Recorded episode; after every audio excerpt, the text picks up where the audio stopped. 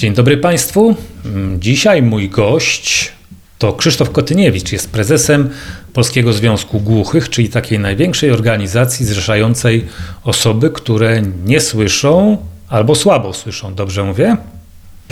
E, Tak, no w zasadzie Polski Związek Głuchych e, zrzesza osoby głuche, osoby niesłyszące, osoby niedosłyszące. A powiedz mi, czy ty jesteś głuchy przez duże G czy przez małe G?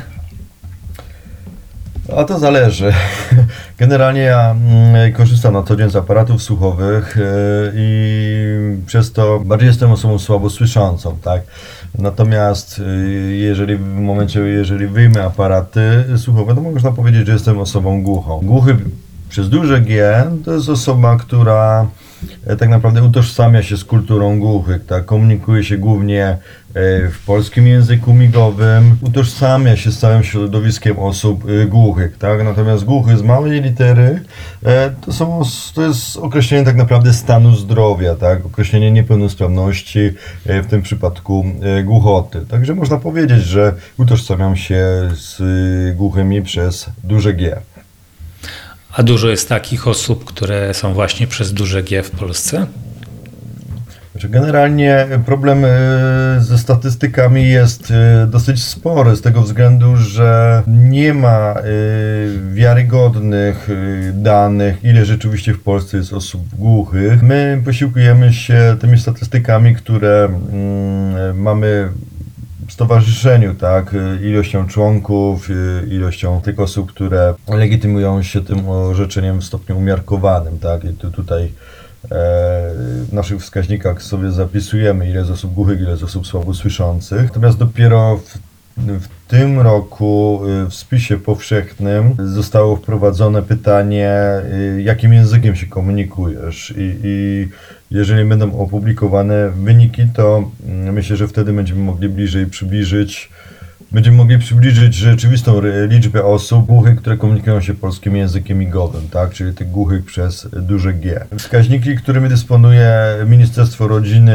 i Polityki Społecznej na bazie wydawanych orzeczeń e, o stopniu niepełnosprawności nie oddają tego wyniku ilości osób głuchych, ponieważ kod 03L jest yy, nadawany wszystkim osobom, tak i słabo słyszącym i lekko niedosłyszącym, czy, czy osobom niemówiącym, czy mającym problemy ze z mową czy ze słuchem, więc na tej podstawie nie da się w żaden sposób określić ilości osób głuchych. Skoro wspomniałeś już o spisie, który się odbył no, w zeszłym roku, o ile pamiętam. W zeszłym roku, tak, Tak. przepraszam. Ja wypełniałem e, ten formularz samospisu i miałem pewien kłopot jednak. To dużo tam było różnych pozycji. Większość była zrozumiała, ale zastanawiam się, e, jak sobie z nim poradziły osoby głuche, które się posługują tylko językiem migowym. Brałem udział w y, komisjach sejmowych, y, których były podejmowane, podczas których były podejmowane decyzje dotyczące e, spisu powszechnego i tam poruszyłem kwestię, że spis y, w ogóle nie, nie był przygotowany, nie jest dostępny, nie był dostępny dla osób głuchych, tak? Tak naprawdę po, po mojej interwencji, ja wiem, że też później włączyły się inne środowiska osób głuchych do tego, natomiast ja bezpośrednio interweniowałem na komisji sejmowej i Później rozmawiałem z prezesem e, Głównego Urzędu Statystycznego GUS wprowadził tłumaczenie formularza spisowego na polski język migowy. Także na szczęście ten formularz został e, przetłumaczony. Były podejmowane e, inne dodatkowe działania, które miały ułatwić osobom głuchym samospis albo też e, spis za pośrednictwem rachmistrzów spisowych. Również w naszych placówkach Polskiego Związku Głuchych, razem przy współpracy z GUS-em, e, były prowadzone akcje samospisywania się przy, przy pomocy, przy udziale e, tłumaczy polskiego języka migowego. E, Wiem też, że GUS e, uruchamiał wideo infolinię, która umożliwiała w formie, w sposób zdalny, tak, spisywanie się osób głuchych. Czyli, u, Mm, czyli uważasz, no- że podczas tego spisu wyjdzie, ile tak naprawdę jest osób głuchych, tak? Zobaczymy, bo, bo też y, to pytanie dotyczące języka ojczystego, czy języka, w którym się komunikuje w domu, było bardzo mocno e, ukryte w tych wszystkich y, pytaniach na formularzu. I też nie wiem, ile rzeczywiście osób to pytanie odnalazło. Tak, pomimo tego, że w swoich social mediach podawaliśmy tą informację, że takie pytanie jest, żeby osoby, które komunikują się polskim językiem migowym, żeby zaznaczały, tak, żebyśmy można było później łatwo określić, ile rzeczywiście w Polsce mamy osób komunikujących się tylko PJM-em. Czyli czekamy na wyniki spisu, ale Tak. wydawać by się mogło, że całkiem logiczne byłoby, żeby głusi po prostu uczyli się języka polskiego. Dlaczego się nie uczą? Jak to powiedział, że się nie uczą? No, głusi się uczą języka polskiego, tak? Są obywatelami Polski, więc yy, siłą rzeczy tego języka się na co dzień uczą. Natomiast musimy pamiętać o jednej kwestii, że naturalnym językiem dla osób głuchych jest polski język migowy. Język polski jest traktowany jako drugi język, ten język obcy. E, Wiele osób słyszących o tym zapomina. Natomiast problem polega na tym, że w szkołach e, dla głuchych nie ma e, prowadzonego systemu edukacji dwujęzycznej, tak? Czyli e, że większość zajęć odbywa się w polskim języku migowym, pozostałe przedmioty są prowadzone w języku polskim, tak? No to jest tak, jakbyśmy się języka polskiego po chińsku, można powiedzieć, uczyli. Jeżeli dla osoby głuchej język polski jest drugim językiem, też nie jest w stanie zrozumieć znaczenia wszystkich słów. E, dlatego jest potrzebna nauka w polskim języku migowym, właśnie żeby wyjaśnić y, między innymi też zawiłości języka polskiego, ale wyjaśnić wiele terminów, wiele znaczeń, które są w języku polskim. Przez te błędy w edukacji, pozwolę sobie tak to nazwać, część osób głuchych no, nie posługuje się dobrze językiem polskim i często też wstydzą się posługiwać tym językiem polskim, bo mają świadomość tego, że nie piszą poprawnie po polsku, tak, że, że robią błędy. I to, to znacznie utrudnia też ich funkcjonowanie, tak, bo chociażby pisanie prostych pism yy, czy, czy odpowiedzi na przykład do, do instytucji publicznych w języku polskim są dla nich nieraz problematyczne. Ale problematyczne też jest na przykład zdawanie egzaminu maturalnego, tak? gdzie niestety jest mały odsetek uczniów głuchych, którzy zdają maturę. Tak? Ale to bierze się stąd, że ten system edukacji nie do końca jest dostosowany do potrzeb i możliwości głuchych uczniów. Kolejnym problemem mm, jest też kwestia, trochę rozszerzę może to pytanie, tak, y, y, osób zainteresowanych. Zauważamy, że na przykład, że terapeuci, lekarze i też często rodzice y, bronią się przed tym, żeby mm, dziecko, które jest zaimplantowane, e, implantem ślimakowym, nie, nie uczyło się przypadkiem języka migowego. Terapeuci błędnie uważają, że nauka języka migowego e, zaburzy naukę języka polskiego, co jest absolutnie nieprawdą. Natomiast mm, przez to, że dziecko nie zna języka migowego, nie ma też dostępu do kultury głuchych, tak? Proszę sobie też wyobrazić, że w momencie na przykład, je- jeżeli z implantem coś się stanie, zepsuje się, trzeba, e, nie wiem, procesor mowy wymienić, no cokolwiek, tak? I ta osoba nie będzie przez jakiś czas słyszała, to też nie będzie w stanie się komunikować z osobami słyszącymi, tak? To, że ktoś ma wszczepiony implant, to nie znaczy, że już jest y, osobą pełnosprawną, tak? On nadal będzie osobą z niepełnosprawnością słuchu. I w momencie, jeżeli ten implant nie będzie działał, to ta osoba nie będzie mogła się komunikować ze światem osób słyszących. Ale też tym samym nie będzie mogła się komunikować z osobami głuchymi, bo nie będzie znała języka migowego.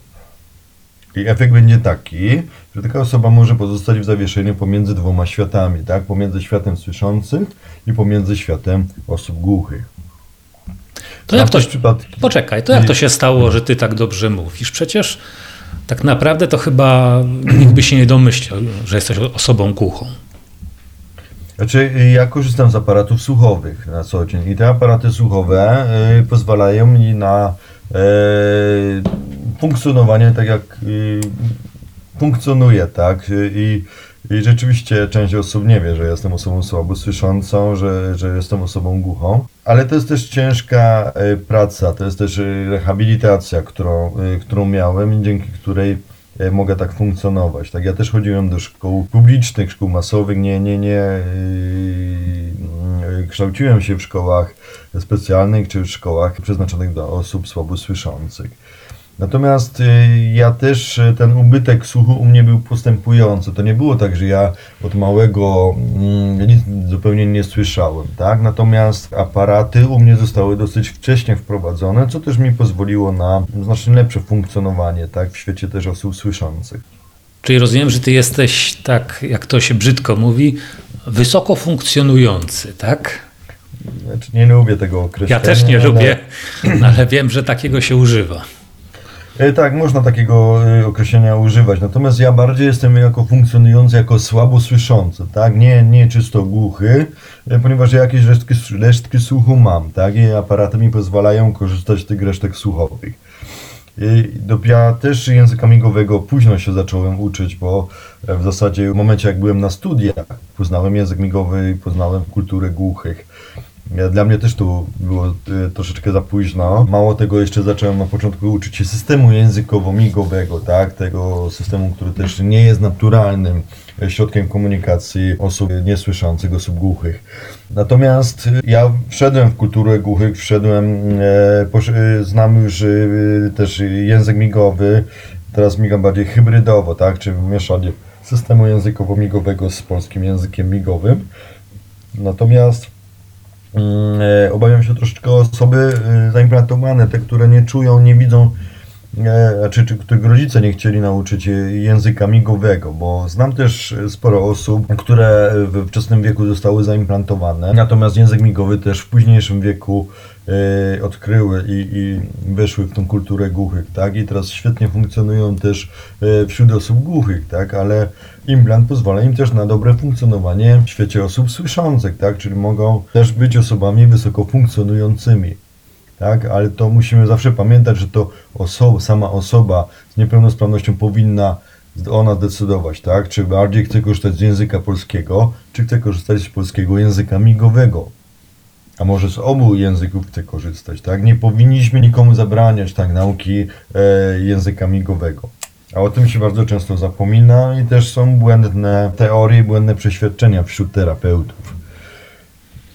No dobrze, to rozwikłaj może tą różnicę między językiem migowym i systemem językowo-migowym, bo one oba wyglądają dla człowieka, który się na tym nie zna, dokładnie tak samo. Natomiast e, mają ogromną różnicę, jeżeli chodzi o osoby głuche, bo w systemie językowo-migowym e, migamy tak jak mówimy. Tak, e, używamy zaimków, końcówki. Natomiast polski język migowy, tam są i klasyfikatory, tam wykorzystujemy przestrzeń wokół, wokół siebie, tak, jest mimika złożona i nie wiem, czy jestem w stanie wytłumaczyć to, to, to bardziej bym musiał pokazać, jaka jest różnica e, w miganiu, tak? E, Chodzi prosty przykład zdania, ja leżę pod drzewem. W systemie językowo-migowym byśmy zamigali ja, byśmy zamigali znak leżeć, normalnie leżeć, i byśmy zamigali znak pod i drzewo. Mhm. A w PJM byśmy zamigali ja, drzewo, leżeć. A to nie Czyli będzie to oznaczało, leżeć, że drzewo leży? Nie. Właśnie w systemie językowo-migowym dla głuchego będzie to oznaczało ja leżę zakopany pod drzewem na przykład. Mhm.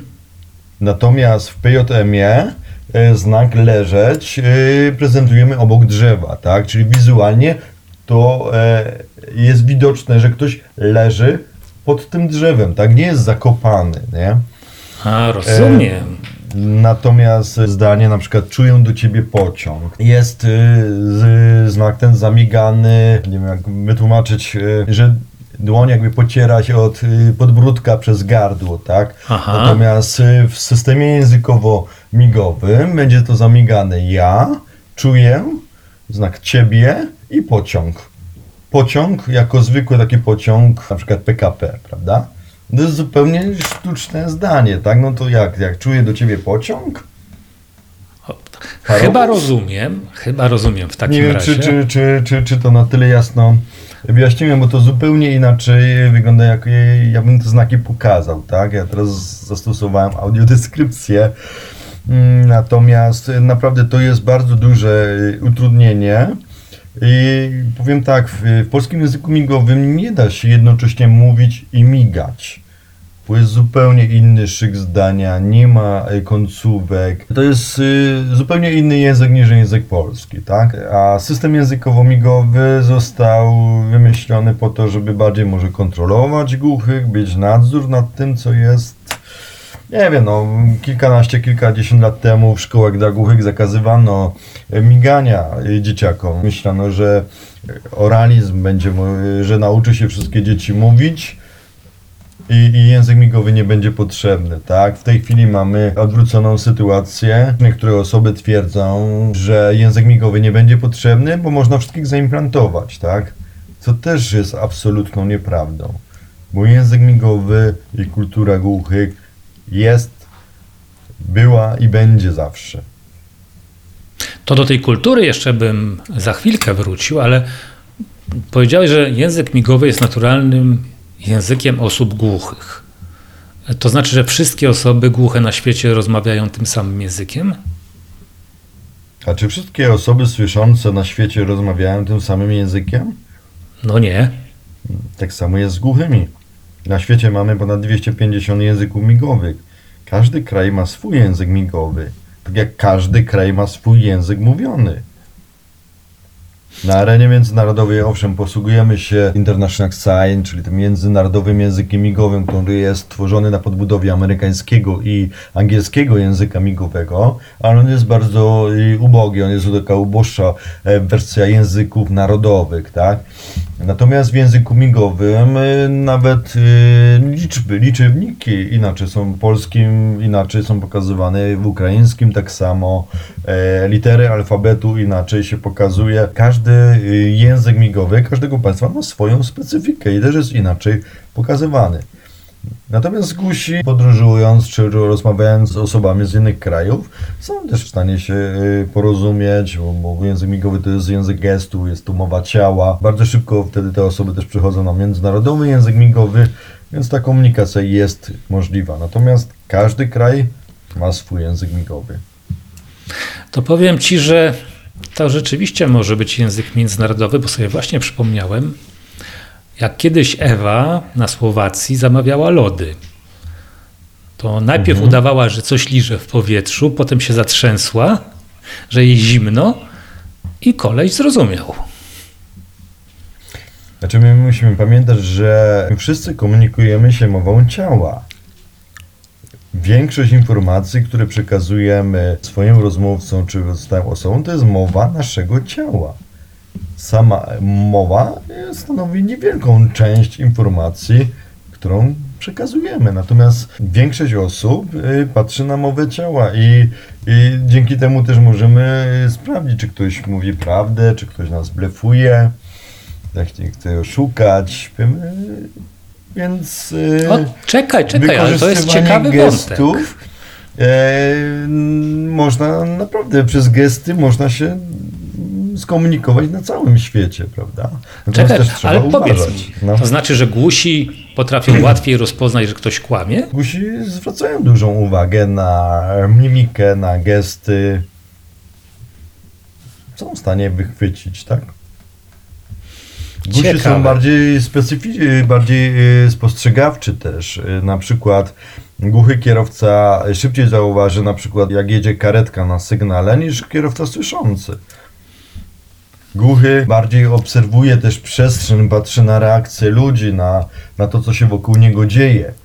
Natomiast słyszący aż takiej uwagi nie zwraca na pewne aspekty. Słyszący bardziej skupia się na słuchu, tak, na, na informacjach, które usłyszy. Natomiast osoba głucha obserwuje, patrzy na mimikę, patrzy na gesty. A gesty ciała, no, gestu ciała się nie da oszukać. Można pewne elementy wychwycić, że coś się nie zgadza, prawda? No dobrze, to teraz ta kultura głuchych, bo trochę mnie to ciekawi. Wyobrażam sobie, że to jest trochę jak kultura, bo ja wiem, góralska na przykład, e, albo bawarska. Tylko, że to są kultury mm, jakichś małych narodów, powiedzmy. Głusi nie są żadnym narodem, są rozsiani w miarę równomiernie po Polsce. To jaka jest ta ich kultura? Ale gusi mają swój język. Dlatego e, też chcieliśmy, e, żeby polski język migowy też znalazł się w konstytucji, tak? Żeby to był język mniejszości kulturowej. Głusi komunikują się polskim językiem migowym. Głusi mają swoich artystów, mają swoich malarzy, aktorów, tak? Mają swój teatr. Kultura głuchych y, to też wybór mis i mistera głuchych. Głusi nie biorą udziału w wyborach mis y, disabled, tak? Osób z niepełnosprawnościami nie biorą udziału w wyborach mis i mistera pełno osób pełnosprawnych. Tak samo mają swoją olimpiadę.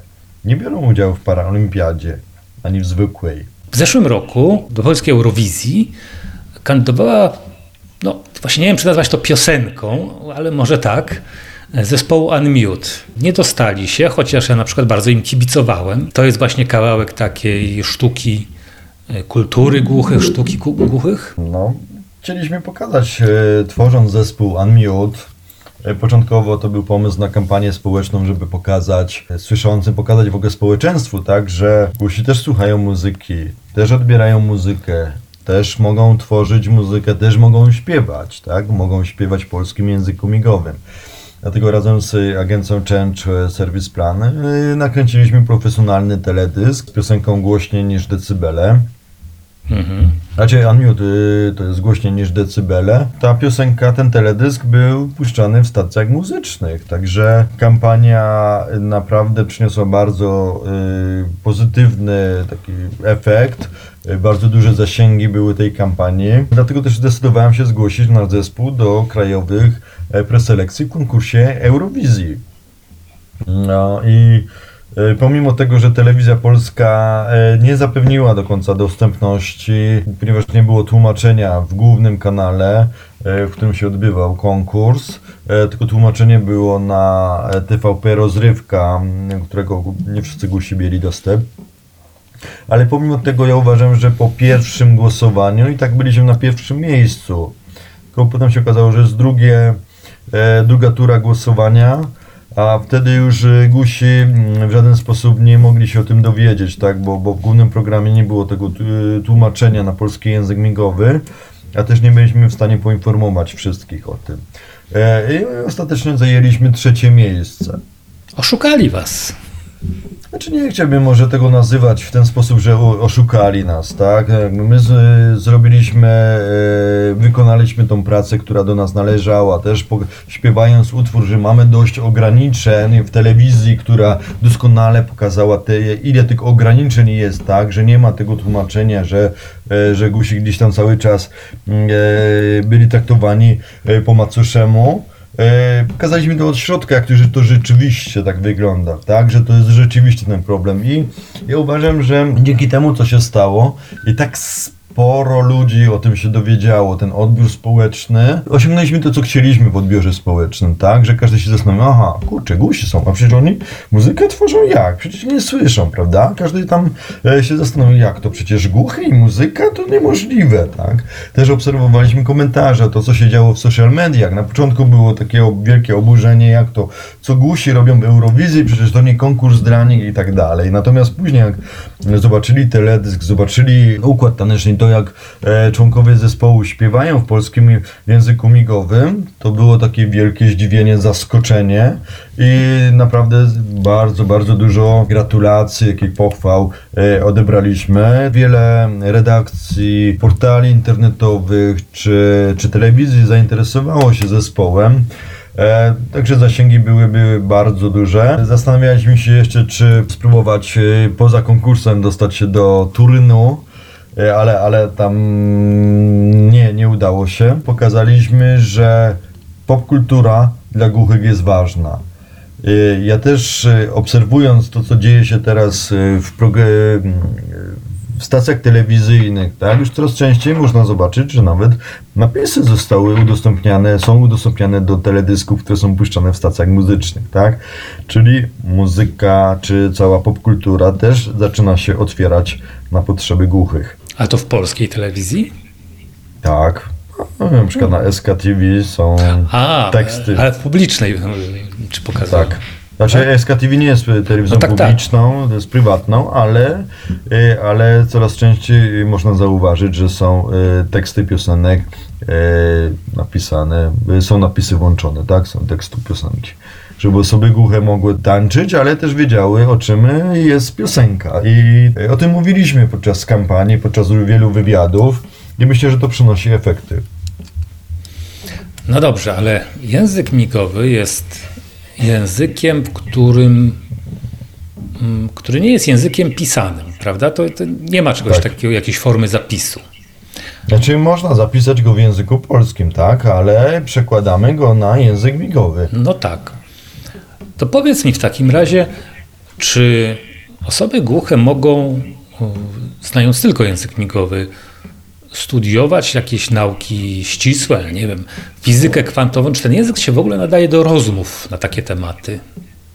Oczywiście, że tak. Przecież głusi rozmawiają o fizyce kwantowej. Rozmawiają tak samo jak my, tak? Tylko nie będą rozmawiali, mm, e, budowali zdań w ten sam sposób, co my e, budujemy w języku polskim, tak? Oni te zdania budują w polskim języku migowym, ale tak samo rozmawiają na te same tematy, co osoby słyszące. Tak samo mogą studiować, tylko że e, no, ta znajomość języka polskiego na studiach już jest wymagana na dobrym poziomie, prawda? Nie może być też tak, że ktoś studiuje i, i nie zna w ogóle języka polskiego, bo też nie będzie mógł się dokształcać. Przecież na studiach y, i trzeba czytać różne publikacje, podręczniki też trzeba przygotowywać pracę w języku y, polskim. Oczywiście na studiach są y, tłumacze języka migowego, którzy pomagają czy tłumaczą głuchym studentom podczas wykładów, czy ćwiczeń, czy innych zajęć. Więc głusi studiują tak jak słyszący, tylko potrzebują na tych studiach tłumaczenia na polski język migowy. Natomiast pracę oddają w języku polskim. Nie mamy jeszcze w Polsce uniwersytetu, yy, tak jak yy, dla głuchych, stricte dla głuchych, jak na przykład jest Uniwersytet Gau- Gallaudeta w Stanach Zjednoczonych. Może kiedyś w przyszłości powstanie, ale myślę, że jeszcze będziemy musieli na to trochę poczekać. Czyli mogą studiować, ale polski jest do tego jednak niezbędny.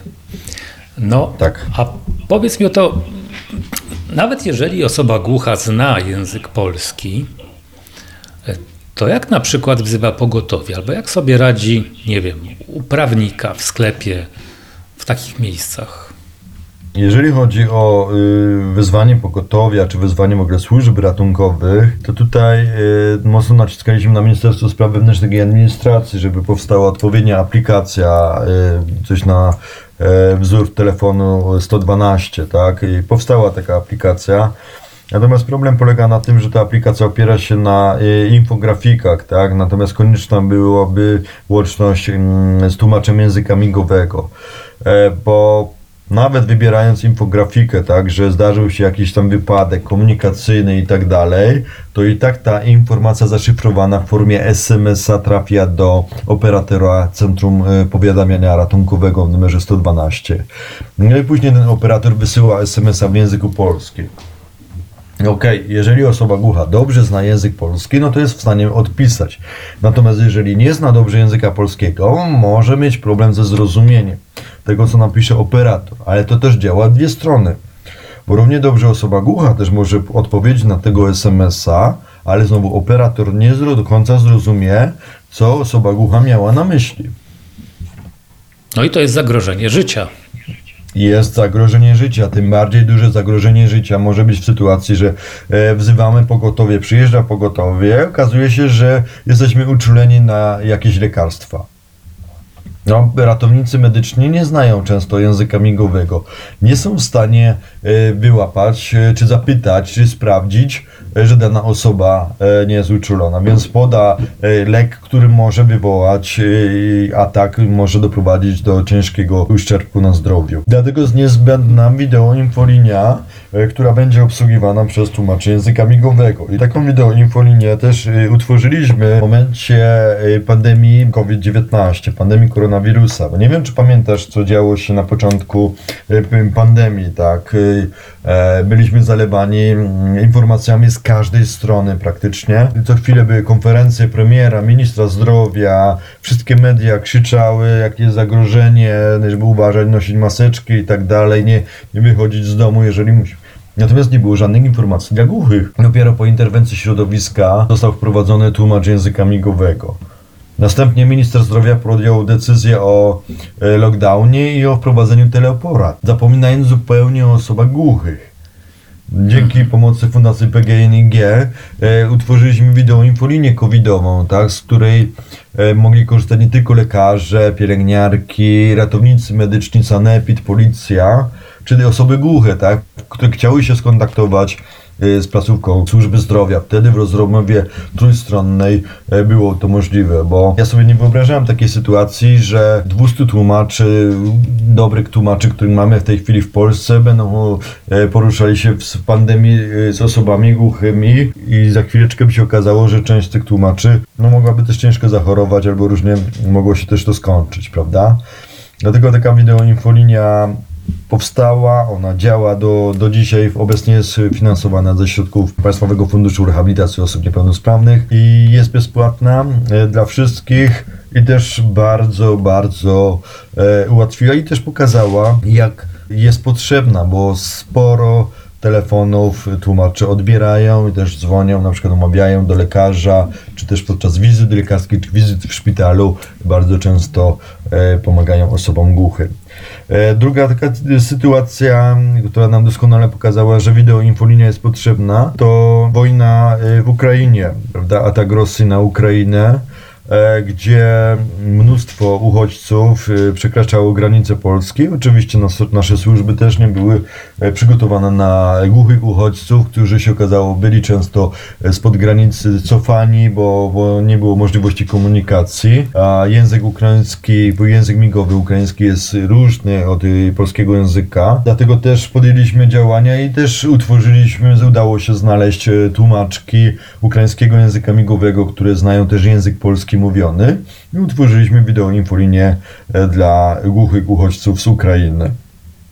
Ona też w teraz mniejszym zakresie e, działa, ale, ale też wielu osobom pomogła. Ten lekarz, to tak sobie jeszcze pomyślałem, że ja tu dostrzegam jeszcze jeden problem, bo to jednak y, czasami między lekarzem a pacjentem są wymieniane informacje dość intymne, takie, które niekoniecznie ludzie chcą zdradzać przypadkowym ludziom, a tutaj musi brać udział osoba zupełnie obca zazwyczaj.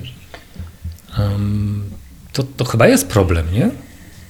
Znaczy pojawia się czasem problem, rzeczywiście lekarze, e, pomimo tego, że na przykład osoba głucha e, chce skorzystać z wideoinfolinii, nawet na swoim telefonie ma uruchomioną rozmowę, zdarzają się sytuacje, że lekarze odmawiają takiego połączenia. E, I ja przyznam szczerze, nie do końca to rozumiem, bo jeżeli pacjent sam chce e, takiej pomocy i chce skorzystać z pomocy tłumacza języka migowego w tej sytuacji, e, moim zdaniem lekarz nie powinien odmawiać. Natomiast inna, innego rodzaju sprawa jest, że osoba głucha na przykład nie chce, żeby ktoś trzeci się o tym dowiedział, no to ma, oczywiście ma do tego prawo, nie musi e, korzystać z tej pomocy, jeżeli jest w stanie się też w inny sposób e, porozumieć z lekarzem. Natomiast e, też musimy pamiętać, że często były takie sytuacje, że mm, najbliższe osoby z rodziny były, były wykorzystywane do tłumaczeń e, wizyt mm, lekarskich i nieraz e, małe dziecko musiało przetłumaczyć rodzicom diagnozę, która e, no nie, jest, nie była dla nich pomyślna, tak, że, że, że ktoś ma na przykład późne stadium e, raka i tak dalej. No, dla dzieciaków to jest niesamowita trauma. Takie rzeczy są niedopuszczalne, aczkolwiek się zdarzały. Więc dlatego uważam, że wideoinfolinia jest w tej sytuacji bardzo dobrym rozwiązaniem. Tłumacze, którzy e, są na wideoinfolinii, mają podpisane odpowiednie klauzule i tutaj nie ma miejsca, że ktoś e, drugiemu przekazuje jakieś poufne informacje. Absolutnie. A to nawet ja nie o tym myślałem. Mówię po prostu o tym, że w ten proces komunikacji musi być włączona obca osoba. No ktoś, nie wiem, no, No ale tak samo jak jest obcokrajowiec, tak, który chce skorzystać z lekarza, też, e, też tłumacz jest tą trzecią, tą obcą osobą. No tak, tylko że oni mieszkają w Polsce. No, No ale obcokrajowiec, który mieszka w Polsce ma taką samą sytuację, prawda? Wi- Wiadomo, idealnie byłoby, jeżeli lekarze by znali język migowy, to, to byłoby super. Natomiast no, e, bądźmy realistami, no nie możemy oczekiwać, że wszyscy będą znali język migowy. A technologie. Już wspominaliśmy o tym i mam wrażenie w takim razie, że głusi chętnie korzystają z urządzeń mobilnych, z tabletów, z smartfonów. Tak? No tak. A mają jakieś takie swoje aplikacje, takie no, osoby niewidome mają takie cały zestaw aplikacji, które są specjalnie dla nich. Jest coś takiego też dla głuchych? Czy aplik- nie wiem, czy myślisz teraz o komunikatorach internetowych, czy bardziej pytasz y, o aplikacje w stylu awatara? A to nie wiem, co to jest awatar. A, okej. E, Dobra, E, Gusi korzystają często z, z komunikatorów, tak? IMO, Skype, e, przez Messengera, przez Whatsappa. To są te ogólno chyba dostępne aplikacje, przez które e, korzystają. To są nowe te technologie, tak, które są wykorzystywane. Ja pamiętam czasy, jak e, zaczynałem moją pracę w Polskim Związku Głuchych, no to komunikowaliśmy się głównie przez wysyłanie faksów, tak. Na, na szczęście technologia nam służy, e, więc teraz wszyscy e, korzystamy ze smartfonów i z komunikatorów i dzięki temu mamy kontakt ze znajomymi na całym świecie, tak? A też przez y, kamerki w komunikatorze możemy się wiele spraw y, załatwić. Dlatego powstanie ogólnopolskiego Centrum Komunikacji dla osób głuchych byłoby idealnym rozwiązaniem, tak? Bo wtedy osoba głucha, mając smartfona przez wideo rozmowę, jest w stanie zadzwonić na przykład do restauracji, zamówić sobie stolik, tak? Umówić się na wymianę opon w samochodzie, czy nawet zamówić pizzę do domu, co w tej chwili jest często nierealne. Natomiast osobną sprawą jest kwestia e, awatara, tak? czyli e, sztucznego tłumacza języka migowego, czy, czy osoby, która by tłumaczyła, czy, czy też przekazywała informacje w, w polskim języku migowym. E, o ile mm, przekazywaniem informacji prawdopodobnie dzisiejsza technologia mogłaby sobie w jakimś tam zakresie e, poradzić, e, o tyle z odbiorem e, informacji w języku migowym już byłoby to trudniejsze, tak? Język polski i polski język migowy też są bogatymi językami, chociażby taki prosty przykład e, słowa zamek. Mamy zamek na przykład krzyżacki, e, mamy zamek e, w drzwiach, e, mamy zamek w spodniach, nie wiem czy jeszcze jest jakiś inny zamek z piasku, może być zamek z piasku. Każdy z tych czterech zamków inaczej się pokazuje, a brzmią tak samo. No i pytanie jest, czy awatar będzie w stanie dobrać odpowiedni zamek do danego e, zdania, tak, którym e, będzie migał. Także tutaj jest wiele Czyli problemów. ja rozumiem, że awatar to jest y, taki jakby animowany Tłumacz tłumacz języka języka migowego. migowego, tak? Zgadza się. I są takie rozwiązania już działające. Pracujemy nad takim rozwiązaniem razem e, z Centrum Łukasiewicza, e, z dawnym EMAG-iem e, na Śląsku, w Katowicach. Zobaczymy, jaki będzie efekt tych prac, czy, czy uda się. No, to są te problemy, o których Wam tutaj wspomniałem. Jest to na, na ten moment, przy obecnych możliwościach technologicznych, bardzo trudne. Aczkolwiek uważam, że w przyszłości jest to jedno z możliwych rozwiązań, e, które ułatwi e, komunikowanie się z osobami głuchymi. No ja zakładam, że to wygląda tak, że jak jest strumień tekstu polskiego, to musi po drodze być obrobiony tak, żeby zamienić go Tak. na, Na nie wiem polski jakie słowa użyć, no. tak, ale na znaki, na, na jakby serię, yy, tak, serię komunikatów dla tego tłumacza, który, jakie gesty ma wykonać, tak? Znaczy, jakie gesty ma wykonać, to, by, to można nagrać, e, tak? Bo, bo No tak, ale on musi wiedzieć, który zamek na przykład ma. Wykorzystać, pokazać. dokładnie. Mhm. Dokładnie. I tutaj jest w tym momencie największy problem. No ale y, są takie y, automatyczne tłumacze. No, Google jest najbardziej znanym, ale jest ich mnóstwo tak naprawdę, które radzą sobie z przekładami z języka jednego na drugi, nawet jeżeli one mają zupełnie inną składnię czy strukturę. No to wydawać by się mogło, że na język migowy też powinno się dać. Natomiast e, tu jeszcze musimy pamiętać, że tu jest e, mimika. E, Tu bardzo dużą rolę odgrywa twarz, tak? I, I przełożenie tej mimiki na poszczególne gesty, na poszczególne znaki jest też trudne. Także jeszcze parę lat temu y, w ogóle nie mogliśmy marzyć o tym, co jest w tej chwili. Natomiast technologia zmienia się tak szybko, że ja myślę, że za y, kilka, kilkanaście lat będzie to, to możliwe, tak? I, I wszędzie będzie można korzystać z awatarów, y, które będą migały, które będą automatycznie przekładały tekst spisany na migany. Y, Jeżeli chodzi jeszcze o aplikacje, które mogą być wykorzystywane, to może być y, aplikacja Tłumacz, y, która e, zamienia tekst mówiony na pisany, tak? I osoby głuche, dobrze znające język polski, czy osoby słabo słyszące często e, tą e, aplikację wykorzystują, tak? Bo wtedy mają e, napisaną e, całą rozmowę, tak? Która jest prowadzona, czy też wykłady, czy e, No. Tutaj oczywiście najlepiej mają ludzie, którzy się posługują angielskim, bo teraz taka transkrypcja jest dostępna nawet wprost w przeglądarce, można sobie włączyć. Tak. No ale nie dla języka polskiego. Tak. Ja mam w iPhone'ie też taką funkcję, że yy, iPhone może rozpoznawać dźwięki.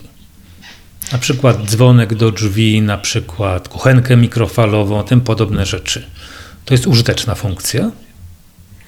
E, Przyznam szczerze, że nie korzystałem z tego rozwiązania i zastanawiam się, w jaki sposób e, ta informacja byłaby przekazywana osobom głuchym. No, wibracjami i, i komunikatami świetlnymi. Mhm. Nie, nie, nie znam tego rozwiązania, natomiast pojawiło się rozwiązanie, y, aplikacja, która jest obecnie w fazie testów, y, y, Strażnik, która pozwoli na przechwytywanie sygnalizacji alarmowej, na przykład w przypadku pożaru i przekazywany jej wibracjami na przykład do smartwatcha. Tak, czyli to może pomóc w przypadku pożaru w nocy, w hotelu, w jakimś tam innym obiekcie, gdzie jak włączy się sy- alarm, syreny alarmowe, no to aplikacja wyłapuje i przekazuje w formie wibracji, tak żeby osoba głucha też e, otrzymała stosowne powiadomienie. A poczekaj chwilkę, ja zaraz sprawdzę, co potrafi ta, e, aplika- ta, ta, ta, to narzędzie. Lupa. Skaner kodów. Rozpoznawanie dźwięków. O, mamy. Ale on jest w jakiej opcji? Jak się wysunie centrum sterowania, to, to domyślnie Mhm. chyba tam jest. Syrena alarmowa. Przycisk. Jest syrena alarmowa. Rozpoznawanie dźwięku. Alarm pożarowy. alarm pożarowy, A to ja mam, a rozpoznawanie dźwięków, jest, okej. Przycisk. Pie. Przycisk. kot, Pies. Urządzenia. Jakieś, klakson. Dzwonek do drzwi. Sporo tego jest. Myszkowo. Przycisk. Czajnik. Przycisk. Czajnik. Czajnik. Przy. To zostawię ci, żebyś się pobawił tym może w wolnej chwili. Dobrze, sobie to sprawdzę też. Natomiast nie spotkałem się z tym, żeby osoby głuche z tego korzystały. Czy istnieje taka. Znaczy, wiem, że były projekty, bo jakby interesowałem się tym swego czasu. Jakieś narzędzia, które pozwalą, pozwalają działać w drugą stronę, to znaczy zamieniać język migowy na, e, no, na strumień Nie tekstu. język Już nie, polski. no, może nawet niekoniecznie język tekst, polski, tak. ale w ogóle, żeby rozpoznawały gesty. Znaczy to jest, y, to jest dużo trudniejsze niż y, awatar, który by przekazywał informacje z tekstu na, na język migowy. Z tego względu, że różne osoby różnie migają, tak? I różnie y, są pokazywane dane znaki. Zresztą w Polsce mamy też w języku migowym regionalizmy, więc jakby mm, stworzenie całej biblioteki znaków będzie bardzo trudne. Nie wiem, czy na tym etapie jest to możliwe. No dobra, dla języka polskiego, czy słyszałeś, żeby dla jakichś innych języków może powstały Nie spotkałem się jeszcze z tym właśnie z odbiorem, tak, żeby przekazywać z języka migowego na, na język, y, no na tekst, tak, tego, Mhm. takiego rozwiązania nie znam i e, na spotkaniach Europejskiej Unii Głuchych ani Światowej Federacji Głuchych nie było takiego rozwiązania prezentowanego. typu? To jeszcze a propos awatara, to nie wiem, czy znasz takie pojęcie jak Dolina Niesamowitości. Znasz? Nie. E, To jest opisane przez taką japońską badaczkę jeszcze w latach 70. zjawisko, że ludzie odczuwają wstręt do obiektów, które wyglądają prawie jak ludzie. Że są bardzo podobni do ludzi, ale jednak jest taka wyczuwalna jakaś, jakiś taki wyczuwalny problem z odbiorem. To po prostu ludzie tego nie lubią. E, Właśnie dlatego w grach e, wcale nie, te, ta grafika nie jest taka hiperrealistyczna, bo nie da się zrobić tak, żeby te postaci wyglądały zupełnie jak ludzie, więc specjalnie robi się ich mniej podobnych, żeby było widać, że to nie są ludzie. No i zastanawiam się, czy tutaj też na przeszkodzie nie, sto, nie stanie ta Dolina Niesamowitości przy odbieraniu tego awatara. Wszystkie rozwiązania, które mają służyć głuchym, są przyjmowane z dużą ciekawością. Ja nie spotkałem się z jakimś takim negatywnym odbiorem tego. Bardziej właśnie w języku tłumaczy języka migowego muszą być zbliżeni do obrazu czy postaci ludzkiej, e, przez to, żeby można było odwzorować e, mimikę, odwzorować gesty, postawę e, ciała e, i tak dalej. Ja mm, widziałem różne rozwiązania, które są w Europie i na przykład w Austrii e, awatar, który jest przygotowany. Na pierwszy moment nie można rozróżnić, czy to jest sztuczny awatar, czy to jest naturalny, czy to jest człowiek y, prawdziwy, żywy. Jest tak realistycznie przygotowane, że mm, nie widać praktycznie żadnej różnicy. Dopiero później, jak się dokładniej temu przy, można przyjrzeć, to, to, to te różnice są do wyłapania. Natomiast y, dla nas, y, d- dla osób też, którym to pokazywałem, to było na plus. Właśnie, że on jest jak najbardziej podobny do człowieka. Ja mam wrażenie, że to jest takie bardziej podświadome, że to tak człowiek nawet nie, nie odbiera tego na poziomie świadomym, że ta osoba, ten awatar nie wygląda dokładnie jak człowiek, tylko na poziomie takim e, podświadomości, że coś jest nie tak. O, może tak najlepiej byłoby to opisać. Coś jest, coś z tym człowiekiem jest nie tak, to jest podejrzane. Lepiej uciekać. Ale zostawmy to. Powiedz mi, jak sobie wyobrażasz przyszłość języka migowego? Teraz, jak sam powiedziałeś, jest 250 języków migowych. Jest w ogóle szansa, żeby one się jakoś y, ujednoliciły? No, w końcu internet pozwala na komunikowanie się z każdym na świecie. No ale y, analogicznie taka jest szansa, żeby języki mówione się ujednoliciły. No w dużym stopniu jest wykorzystywany angielski, tak? Język mówiony, więc y, tutaj jakby na arenie międzynarodowej, no to będzie wykorzystywany ten międzynarodowy język migowy. Natomiast każdy kraj ma swój język i, i dba o swój język i polski język migowy tak samo się rozwija, tak samo pojawiają się nowe znaki. Zmieniają się niektóre znaki, tak? Także ja nie widzę takiej możliwości, żeby języki migowe się ujednoliciły, żeby był język jeden, tak? No, tak jak w językach mówionych, tak, w każdym narodowym języku, tak? Zresztą polscy gusi utożsamiają się z polskim językiem migowym. Znaczy, ja mam wrażenie, że komunikacja generalnie kolapsuje w kierunku języka angielskiego. Mhm. Je, taki język korporacyjny, język, y, nie wiem, informatyków. On jest w znaczącym stopniu, no, można powiedzieć, zaśmiecony, no ale y, tam, tam jest tego angielskiego bardzo dużo, mimo tego, że mówią niby po polsku. Więc zastanawiam się właśnie, czy takie zjawisko się nie pojawi, jakiś dominujący na przykład język. Nie, u nas w języku migowym takiego, y, n- znaczy chyba, że są nowe y, jakieś znaki, które się pojawiają, takie międzynarodowe, bardziej choćby nawet y, zna określenie, na przykład y, prezydent Trump miał wymyślony znak, który tam charakteryzował tą jego opadającą grzywkę, tak? To może być międzynarodowy znak. Czy koronawirus, tak? To są y, ogólnoświatowe, COVID też jest, można powiedzieć, wszyscy na bazie angielskiego się posługują wpisanym, tak? No podobnie się stało w języku e, migowym. E, Natomiast no, młodzi ludzie wymyślają nowe znaki. My na przykład e, też razem z agencją Change zrobiliśmy konkurs na znak blika, tak, żeby też ujedni, ujednolicić ten znak, bo wcześniej nie było tego określenia w języku migowym, tak. Czasem jest tak, że są wymyślone nowe znaki i niektóre się przyjmują, niektóre nie. A możesz opisać, jak ten znak blika wygląda? E, Znak blika e, wygląda to jest od e, w zasadzie literki O międzynarodowej. Są prostowane palce. Palec mały, serdeczny i środkowy. Kciuk razem z palcem wskazującym pozostaje jak, jako literka O. Czyli tak naprawdę ostateczne otwarcie dłoni pokazuje ten znak B, e, który e, symbolizuje e, blika w formie graficznej. Okej. Próbuję sobie wyobrazić. No dobra. Okej.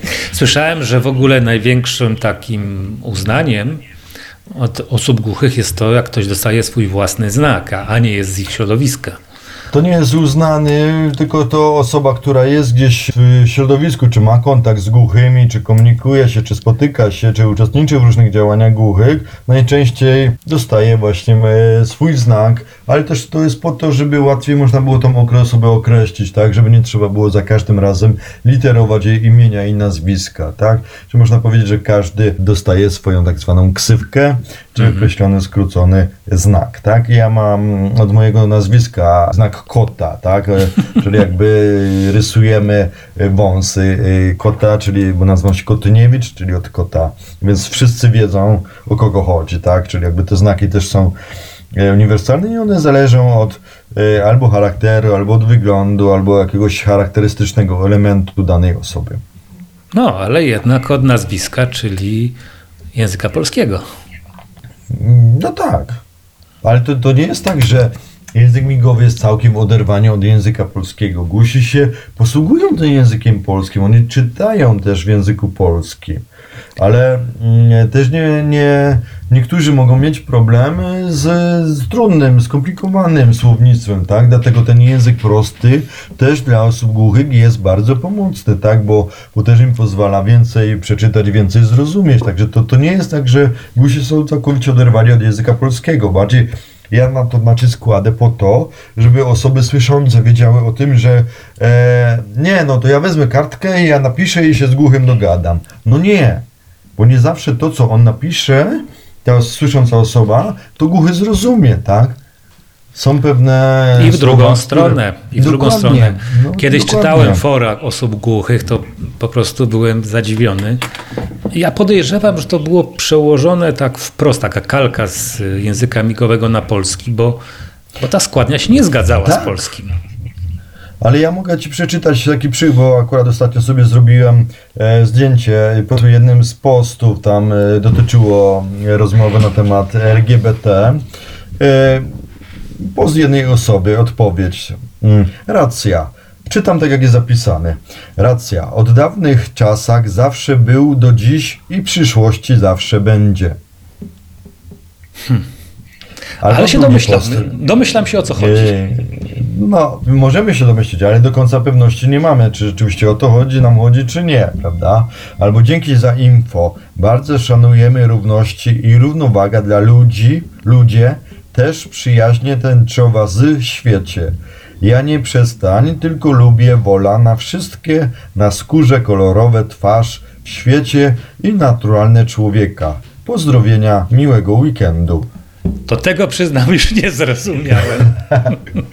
Więc często właśnie w języku polskim jest to zapisane tak, jak oni migają, tak? Tak jak się miga w polskim języku migowym. Stąd też osoby słyszące mogą mieć problem e, ze zrozumieniem. Dlatego też często jak na przykład jest coś tak zapisanego, to ja wolę, żeby osoba to przemigała, bo wtedy ja wiem o co chodzi, tak? Wtedy ja zrozumiem intencje tej osoby. A jakby kogoś naszło, że no, nakręcił się i chce się nauczyć języka migowego, e, doradzałbyś czy odradzał? Oczywiście, żebym zachęcał. My dostosowaliśmy kursy języka migowego do europejskiego systemu kształcenia językowego. E, Wprowadziliśmy też wiele kursów online. Podjąłem też decyzję, że kursy głównie prowadzone przez e, Polski Związek Głuchych, przez, e, przez Zarząd Główny, przez e, Centrum Edukacji Migaj Naturalnej e, są przez głuchych lektorów i głuche lektorki prowadzone, więc kontakt z językiem migowym jest od samego początku. Jeżeli ktoś chce się nauczyć języka migowego, to tak, yy, może to zrobić u siebie, nawet wygodnie w domu i dogodnych dla siebie warunkach, o różnej porze, w różnych porach te kursy są organizowane, e, więc e, nie ma problemu. Mało tego, osoby, które mają stały kontakt z osobami głuchymi, czy cykliczny kontakt, mogą starać się też o dofinansowanie z Państwowego Funduszu Rehabilitacji Osób Niepełnosprawnych do kursu języka migowego. A ile się trzeba uczyć języka migowego, żeby no tak uczciwie się się trzeba komunikować? A ile się trzeba uczyć języka angielskiego, żeby się komunikować? No wiesz co, yy, ja myślę, że to mniej więcej jest no kilkaset godzin pewnie. Pierwszy poziom, do- dostosowując do europejskiego systemu kształcenia, poziom A1 zrobiliśmy 180 godzin, poziom A2 też jest 180 godzin, B1, e, nie przepraszam, A1 jest 90 godzin, A2 też jest 90 godzin, a B1 jest 180 godzin. Potem jest B2, kolejne 180 godzin e, i tak dalej. Także każdy poziom No, czyli dobrze oszacowałem, tak? Że to są Dobrze, setki dobrze godzin. oszacować. To jest podobnie jak właśnie z językami obcymi, bo tak naprawdę język migowy musimy traktować jak język obcy, tak? Też nie może być coś takiego, że często się to w urzędach słyszę, tak? Że wysyłamy swoich pracowników na kurs pierwszego stopnia A1 i już będziemy mieli tłumaczy języka migowego. No podobnie jakbyśmy wysłali kogoś na kurs języka angielskiego na poziom A1 i oczekiwali, że on po tym kursie będzie tłumaczem języka angielskiego. No to tak nie działa. No, to to nawet ja wiem, bo przestrzegałem przed robieniem takich rzeczy. Yy, Bo druga jest jeszcze taka rzecz, że jeżeli się tego języka nie ćwiczy, to nawet to, co się człowiek nauczy, to zapomni. E, Zgadza się, ale coraz więcej informacji, coraz więcej filmików pojawia się w sieci, także jeżeli ktoś złapał bakcyla e, z językiem migowym, jest w stanie sobie te znaki przypominać i, i powtarzać, a zresztą drugiej strony zawsze może też przyjść do naszej placówki, spotkać się z osobami głuchymi i poćwiczyć, pomigać. No nie stoi na przeszkodzie, natomiast Ważne jest też to, żeby urzędnicy czy osoby z administracji publicznej, czy z tych instytucji, których jest kontakt z różnymi osobami, w tym osobami głuchymi, żeby też y, uczyły się języka migowego, bo może nie będą tłumaczami, ale w podstawowym zakresie będą w stanie się skomunikować z osobą głuchą. Jak pewnie wiesz, ja umiem tylko powiedzieć dzień dobry, znaczy, e, powiedzieć, wymigać dzień dobry. Na tym się skończyła moja edukacja. Ale tyle umiem. No, ale przynajmniej coś umiesz, a niektórzy nawet dzień dobry nie umiał. Dziękuję Ci bardzo. Temat jest y, rozległy. No, mam nadzieję, Bardzo. że słuchacze sobie też e, gdzieś doczytają, dooglądają. E, do opisu odcinka mogę dołożyć jakieś łącza. Co byś rekomendował, żeby dodać? Mm, e, Ja myślę, że jeżeli osoby, które interesują się językiem migowym, zapraszam na stronę migajnaturalnie.pl, tam znajdziecie informacje o kursach języka migowego, ale też znajdziecie test e, znajomości języka migowego, żeby sobie sprawdzić, jaki jest e, wasz poziom znajomości językowej. Również profil na Instagramie, tam umieszczamy informacje. Natomiast jeżeli interesuje Was historia, czy też chcielibyście obejrzeć zespół e, Unmute, to też zapraszam na stronę unmute.pl. A jeżeli chodzi o działalność Polskiego Związku Głuchych, no to na stronę internetową e, pzg.org.pl bądź też na Facebooku Polski Związek Głuchych Zarząd Główny. Bardzo Ci dziękuję, Krzysztofie. Dziękuję również.